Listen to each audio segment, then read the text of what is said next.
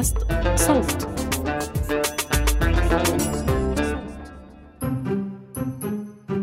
يمكن الموضوع بلش بمزحة ونكت عابرة هنا وهناك على كارمن شماس ونهفتها مع مدعي النبوة نشأت. توج الحكيم نشأت اللقب الأعلى والأكبر في السماوات وأتابع آلاف المواطنين تغيير الألوان السماوية. هنيئا للبنان وللعرب وللأرض. بادرت أنا وصديق الرسائل وضحكنا كتير على حالنا وعليها. إحنا التنين متعلمين وبنآمن بالعلم والعلوم. يعني ما شاء الله علينا بشكل عام. للحظة خطر لي لو حدا سامعنا كيف بنحكي عن الأبراج والقمر المكتمل في الحوت والمريخ اللي قاعد في الجدي. أكيد بيقول هدول فقدوا عقلهم. عموما نتعامل مع الموضوع بمزح. بس لوهلة طلعت خارج تجربتي الخاصة اللي قادرة أصنفها على إنها ترفيه وتسلية إلى حد ما وصار عندي فضول أعرف أكثر عن هذا الموضوع الأبراج.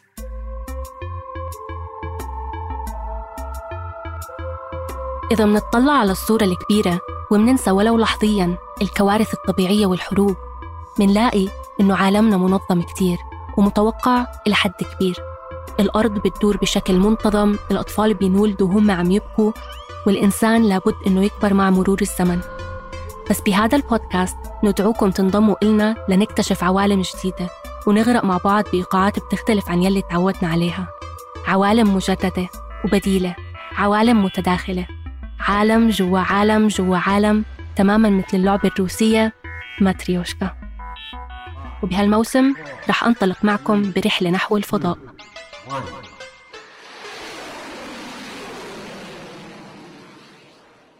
مرحبا. أنا تالا حلاوة من فريق صوت. ورح أكون معكم بهاي الحلقة من بودكاست ماتريوشكا.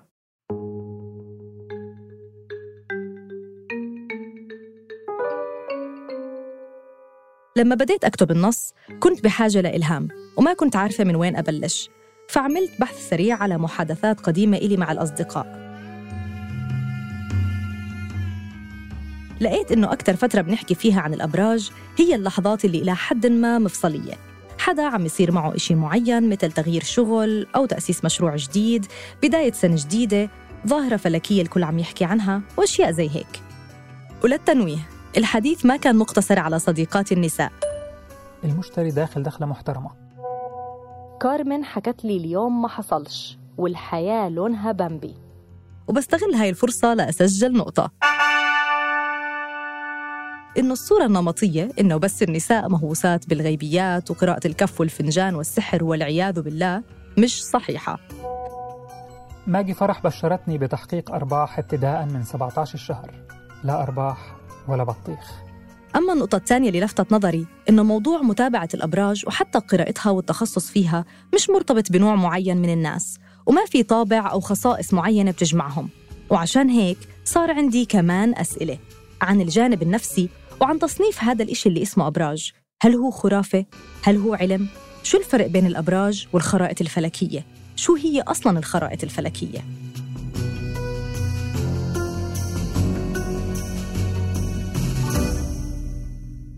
بدي نستعملها كأداة هي نظام هي مراي يعني أنا لما أشوف والله طالع وجهي حب بطلع على المراي أنا ما بزعل من المراي أنا بس بالعكس لازم أشكر المراي عشان عم بتورجيني إنه مثلا وجهي ماله إشي فأروح على الدكتور. هي كمان إشي لازم لازم نفهمه إنه الأسترولوجي هو مش مسبب. يعني هو لا يسبب إيش عم بيصير معك هو يدل على ما يحدث معك. فهو مش عشان زحل هون أنا هيك صار معي. لا أنا هيك صار معي والإشي اللي يدل على ذلك زحل. هاي نورة خبيرة أبراج وعندها حساب على إنستغرام Arabstrology 1 لما سألت نورة إذا لازم نعتبر الأبراج علم قالت لي إنها بتعتبره نظام. نظام بيعطينا مؤشرات ولكنه غير قادر على التلاعب بالمتغيرات. بس شو بتقول الطبيبة والمعالجة النفسية دكتورة سماح جبر عن هاي الجزئية؟ لما بنحكي إنه هذه هي ليست من العلم بشيء هو غير مضبوطة أكاديميا. هو مش هجوم على الناس اللي بيأمنوا بهذه الأفكار. كل الناس لهم الحق بإنهم يأمنوا بما يناسبهم زائد إنه من وجهة نظر طبية نفسية أنا أتفهم يمكن أكثر من الآخرين ليش الناس بحاجة إنهم يطوروا معتقدات معينة أو إيمان معين. الحقيقة اللي بنعرفه إنه الناس كلما كانوا بمرقوا بظرف ضاغط أكتر بحاجة لإشارات بحاجة لدليل بحاجة أيضا لتفسير خارج الذات. لما الإنسان بيوقع بمشاكل أو بيعاني من ضغط نفسي معين أسهل له إنه يفكر إنه في حظ معين أو زوايا معينة بالفضاء هي اللي حددت هذا المصير. علم النفس هو هو علم مضبوط أكاديميا له أدوات مشفوعة بالدليل العلمي. التنجيم والأبراج هي كل شيء غير ما ذكر.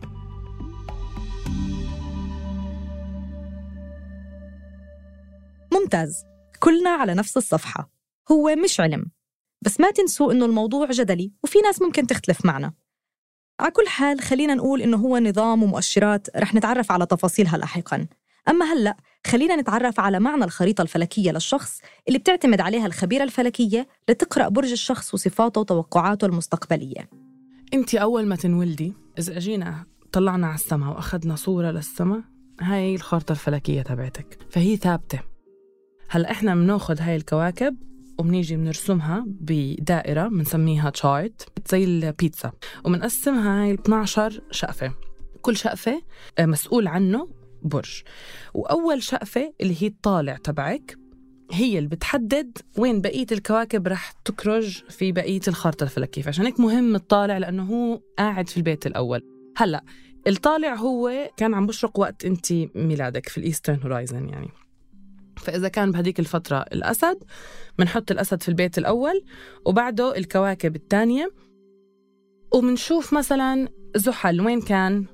في الدلو بنحطه في الدلو. آه مريخ وين كان؟ بنحطه في الهذا وهيك بنتج عندي دائرة مقسمة ل 12 وهاي ال 12 بيت بنسميهم وهاي هي الخرطة الفلكية تبعتك اللي لن تتغير. إذا إحنا مش بس برجنا الشمسي. يعني الشخص مش بس بينتمي لبرج العذراء أو العقرب أو الأوس وخلص.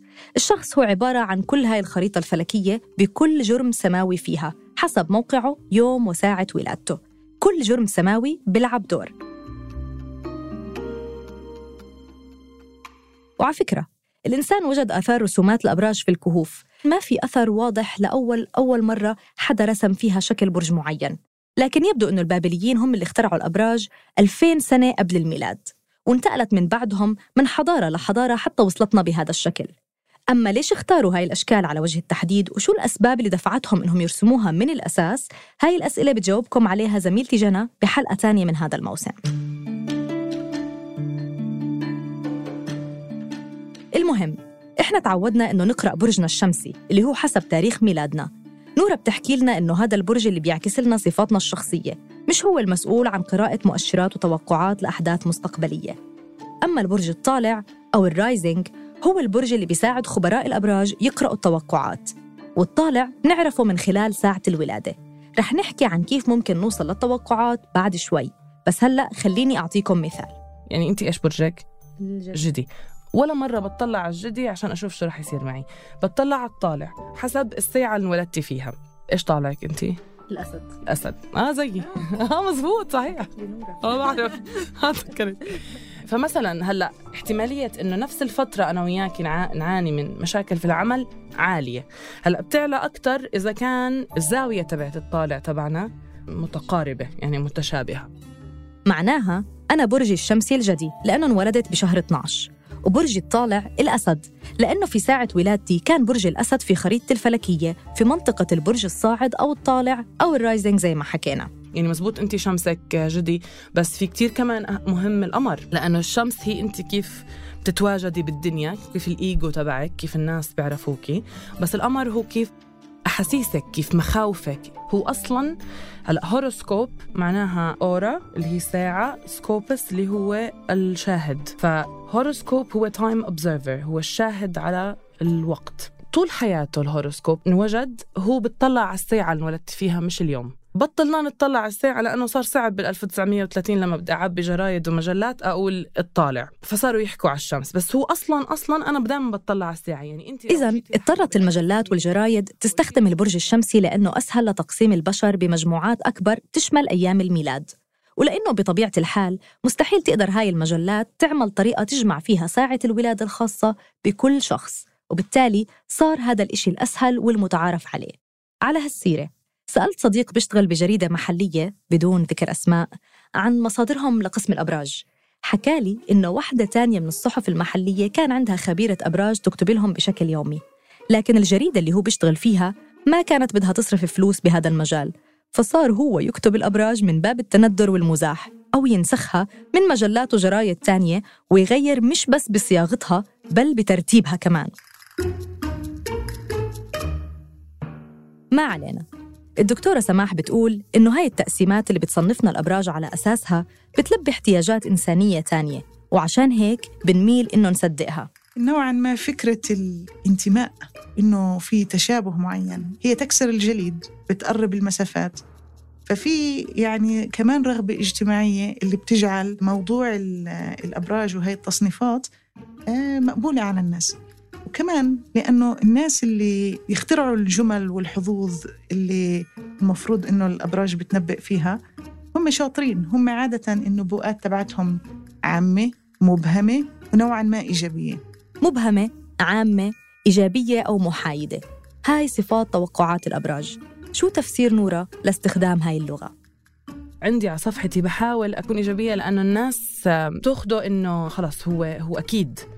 يعني الناس مش فاهمة إنه هو أداء يعني كيف تبع الطقس. بقول لك بكرة الدنيا شتاء هلا أنت ما رح تقعدي في البيت وتبكي لأنه بكرة شتاء لا إذا عندك مشوار رح تطلعي. إنه لما أعرف إنه في شتاء باخذ معي شمسية وبلبس boots عشان ما أنبل. ف نفس الشيء astrology يعني أنا لما أقول لك مثلا الشهر الجاي رح يكون صعب عليكي ماديا هلا ما معظم الناس بتقعد وخلص بت panic فأنا لساتني عم بلاقي ال balance بإنه كيف أحكي لهم؟ إنه الشهر الجاي رح يكون مثلا مش كثير لطيف ماديا وما تبنكوا خذوا احتياطاتكم. باغلب الأحيان هون بصير النقاش حاد. طيب يعني نصدق ولا ما نصدق الأبراج؟ صرنا سنين بنسمع برجنا الشمسي على الراديو وبنسمع توقعات السنة المقبلة من أشهر خبيرات وخبراء الأبراج بالاعتماد على برجنا الشمسي. بس القصة طلعت أعقد من هيك. ونورة شرحت لي إياها شوي شوي. من وقت ما كانوا علم الفلك astronomy والأبراج astrology علم واحد. astrology و astronomy لحدية القرن ال17 كانوا علم واحد. يعني ال astrologer هو نفسه ال astronomer. علم الفلك هو إنه تحددي وتراقبي حركة النجوم والكواكب والأفلاك. astrology إنه تشاهدي هاي الحركة وتربطيها بأحداث بتصير على الأرض. بدأت تتدخل الكنيسة والدين بشكل عام يعني في الموضوع ولأنه الدولة كانت مربوطة بالدين فالدولة ما كان بدها حد يكون عنده هذا المعرفة. فبدأ إنه عادي تستعملوا astrology يقل القرن ال 17 18 لأواخره بدأ إنه خلص. إنه astronomy انفصلت عن astrology astronomy هو علم كل حدا بيعترف فيه لأنه علم مبني على يعني facts علمية. و astrology صار منبوذ لحاله إنه ما له أصول وما بدنا إياه وخلصنا. فبدأ يتلاشى أهمية ال astrology وتقريبا راح لحديت قبل تقريبا 100 سنة أول ال 1900 يعني. لما بدأ يصير في عندي مجلات وجرايد رجع لل mainstream ال astrology. بس كيف رجع؟ ال comeback تبعه ما كان ما كان صح وما كان عادل لل astrology. لأنه اجى بسطحية. إنه نسي كل إشي بالأبراج نسي الخارطة الفلكية نسي مواقع النجوم والكواكب وكله ولزقنا بالبرج الشمسي اللي هو أسهل إشي. أخذوا القشور ونسيوا كل إشي. من ال 1930 صرت تفوتي على الجريدة أو على المجلة ويكون في هيك كولم آخر صفحة. إنه الحمل أنت اليوم راح تربح هدية. هلأ هذا مش بس غير دقيق وغير منطقي وأي إنسان عاقل لما يجي يطلع على صفحة مكتوب فيها كل الناس المولودين بين هاي السنة وهذا التاريخ رح يصير معهم هيك. طب ما هو يعني إشي طبيعي الإنسان يرفضه لأنه غير منطقي ومش صح. معكم حق. وأنا هون كمان بدي آخذ نفس. يعني الموضوع مش بالبساطة اللي تخيلتها. حلقة عن الأبراج والجانب النفسي وخلصنا. لا الموضوع فيه كتير أبعاد وتاريخ وتحولات. رح أترك تفاصيل التاريخ وعلم الفلك والأساطير لوقت تاني. خلينا نركز على الجانب النفسي حاليا. شو بتقول دكتورة سماح؟ يعني هناك علم فلك ولكن كيف بيأثر على شخصياتنا ليس له أي أساس علمي وأنا رح أذكر ما يدحض ذلك. آه، فمثلا إذا إن إن خلق لها اثنين طفلين هلأ بنفس اللحظة وبنفس المكان. هدول التوأمين مش متماثلين. الأبراج بتقول إنه إلهم نفس الشخصية. ولكن العلم السيكولوجي بيقول إنه في تباين كبير بالشخصية. بعدين في أبحاث الحقيقة في بعض علماء النفس اللي أخذوا ادعاءات علم الأبراج على محمل الجدية وأخضعوها لأبحاث مضبوطة مضبوطة بالأدوات الأكاديمية اللي بنوصل فيها للنتائج. فوجدوا إنه ولا مرة كان في حتى ارتباط مش يعني ارتباط correlation نقصده بالمفهوم الإحصائي. يعني درسوا مثلا تعاون برج الأسد وشافوا إنه الصفحة النفسية بالأدوات النفسية المعروفة تختلف كثير لهدول الناس ما في تشابهات اللي بيدعيها علم الأبراج. كلام دكتورة سماح مقنع 100% لا غبار عليه. ومع هيك هون الورطة. ثقتي بضيفاتي عالية ومش قادرة آخذ موقف حاسم مع أو ضد. حتى دكتورة سماح سألتني قبل تسجيل المقابلة عن موقفي أنا من الأبراج وحسيته سؤال استنكاري. حاولت ألف وأدور بس أظن هلأ صارت عارفة الحيرة اللي أنا فيها. بس معلش إحنا اتفقنا من أول الحلقة إنه ما عم ندور على إجابات مطلقة. أصلا من إمتى هدفنا بمتريوشكا نوصل لإجابة مطلقة؟ فخلينا نسمع من نورا كيف بتصير التوقعات. الأسترولوجي إيش بيجي بيسوي؟ بشوف إنه في عندي حركة زحل خلينا نقول. زحل كل كم من سنة بتحرك من هذا البرج لهذا البرج وكل ما يكون في هذا البرج بصير إشي على الأرض. أو المريخ مثلا كل ما يكون المريخ في الحمل عم نلاحظ إنه في على الأرض نيران براكين آه، انفجارات وما إلى ذلك. هلأ شو بيسوي الأسترولوجر؟ بتطلع ايمتى كان المريخ في الحمل؟ هذيك السنة قبل ثلاث سنين قبل 70 سنة قبل 100 سنة قبل 120 قبل 1300 بحطهم كله قدامهم وبشوف هل في كل مرة كان المريخ في الحمل صار نوع من أنواع الكوارث نيران إشي علاقة بالنيران عادة.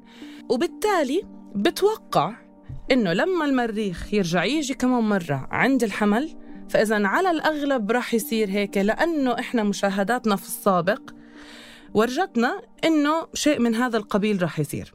حكت لي نورة كمان إنه الفكرة المغلوطة اللي عنا عن دور خبير أو خبيرة الأبراج بتخلي توقعاتنا في مكان خاطئ. ومرات بننسى إنه كبشر عنا الإرادة الحرة لنخطو خطوات معينة وناخد قرارات. كمان الناس بتفكر استرولوجر إنه والله عنده علم الغيب هو مش هيك بالمرة الموضوع. يعني أنا ما بعرف إذا أنت رح تنجحي ورح تسقطي بس أنا بعرف إنه هاي الفترة مثلا ممكن يكون عندك كوكب في محل معين فما يكون عندك تركيز كافي. أو بعرف إنه مثلا بوقت الامتحان رح يكون عندك لا بالعكس كوكب في محل تاني اللي رح يكون عندك تركيز كافي. بقدر أحكي لك إنه لا رح تعملي منيح بس هل رح تنجحي ما رح تنجحي؟ أنا ما عندي هاي المعرفة. وأي astrologer بيحكي لك أكيد رح تنجحي أو أكيد رح تتجوزي أو أكيد رح تجيبي مصاري. هذا ما اسمه استرولوجر هون إحنا انتقلنا ل علم الغيب أو إنه حتى بديش أقول علم الغيب يعني انتقلنا للحدس أو إنه تنبؤ.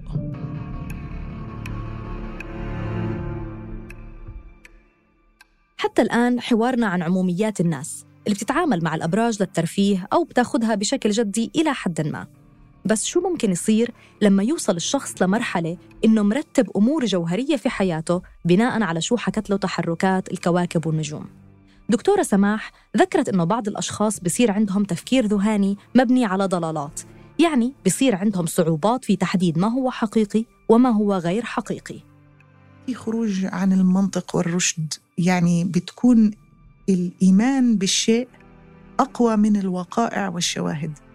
فممكن يقول لك لا الأبراج فعلا بتزبط ولكن آه، في يعني منغصات تانية اللي أثرت على البرج. أو إنه أنا يمكن خربشت في هذاك اليوم ما سمعتش البرج مزبوط وأخطأت في اتخاذ القرار.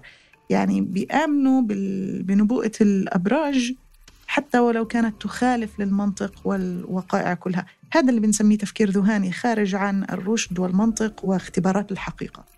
من الأشياء اللي بتثير قلق دكتورة سماح كمان هو الهوس لدرجة أنه قراراتك المصيرية عزيزي المستمع المبنية على حركة الأفلاك ممكن تسبب أضرار وخسائر. ومرات ممكن توصل إنه أفراد من عيلتك أو عيلتك يضطروا يتدخلوا لما الأمور تخرج عن السيطرة. أنا قابلت بعمل العيادي ناس اللي خسروا ثروات لأنه بيشتغلوا بالبورصة وما بيقدروا يبدوا اليوم قبل ما يقرأوا البرج تبعهم. والبرج تبعهم بيحدد إيش الخطوات. فما في أي دراسة لموضوع البورصة. ما في خبرة ما, ما في شيء مهني. لما يبقى شخص بيتاجر بالبورصة بناء على الأبراج آه، يمكن العقلاء اللي حوله في في العائلة بيشوفوا إنه هو عم بيتسبب بخسائر. وبيجوا بيطلبوا مساعدة.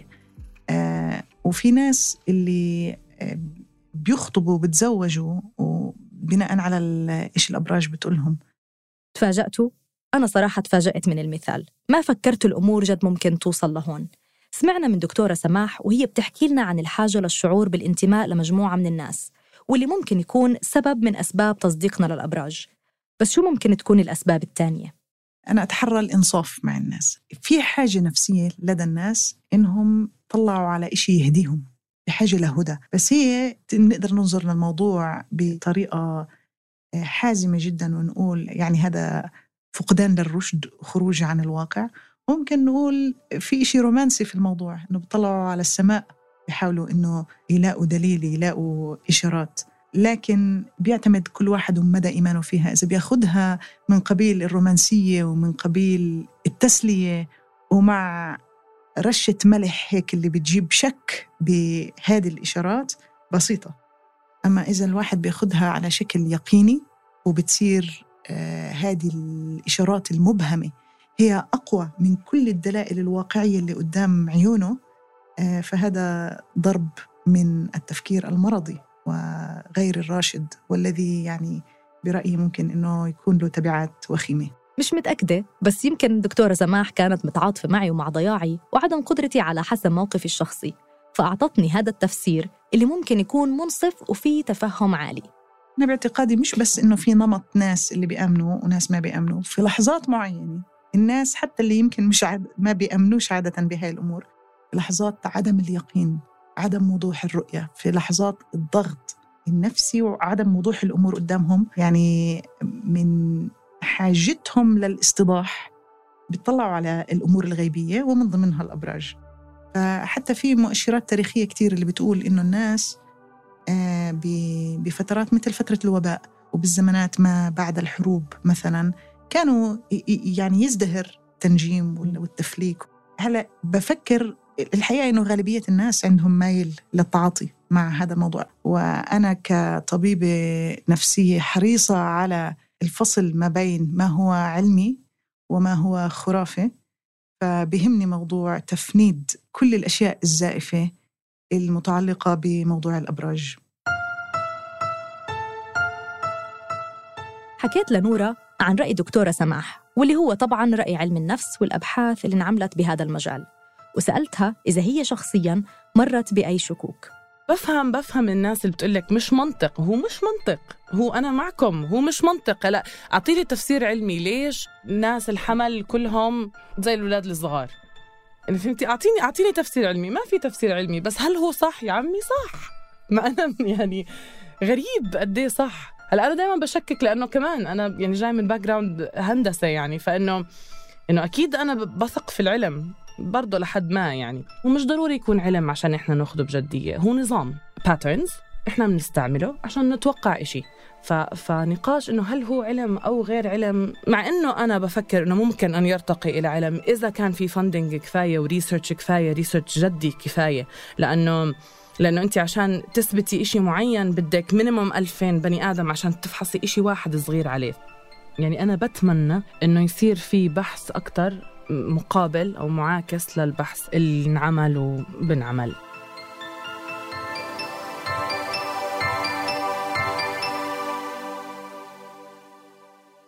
الشك اللي حكت عنه نورة وعدم اليقين اللي حكت عنه دكتورة سماح ساعدوني أوصل لنقطتين.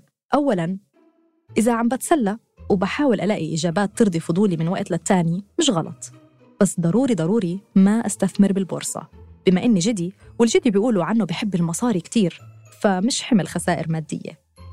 أما الشغلة التانية فبعيداً عن المزح. إذا الواحد انهوس لازم يراقب حاله ويطلب المساعدة من المختصين إذا حس إنه فعلاً بحاجة لإلها. بحب تساعدوني نكتب خاتمة لهاي الحلقة. مش حرفياً حرفياً بس اكتبوا لنا تعليقاتكم على حسابات صوت على مواقع التواصل الاجتماعي. واحكوا لنا شو رأيكم باللي سمعتوه. كنت معكم من الإعداد والكتابة تالا حلاوة من التحرير تالا العيسى من الهندسة الصوتية تيسير قباني فريق النشر والترويج مرام النبالي بيان حبيب عمر خطاب. ما تنسوا تشتركوا بقناة ماتريوشكا حتى توصلكم تنبيهات الحلقات الجديدة. بودكاست ماتريوشكا من إنتاج صوت.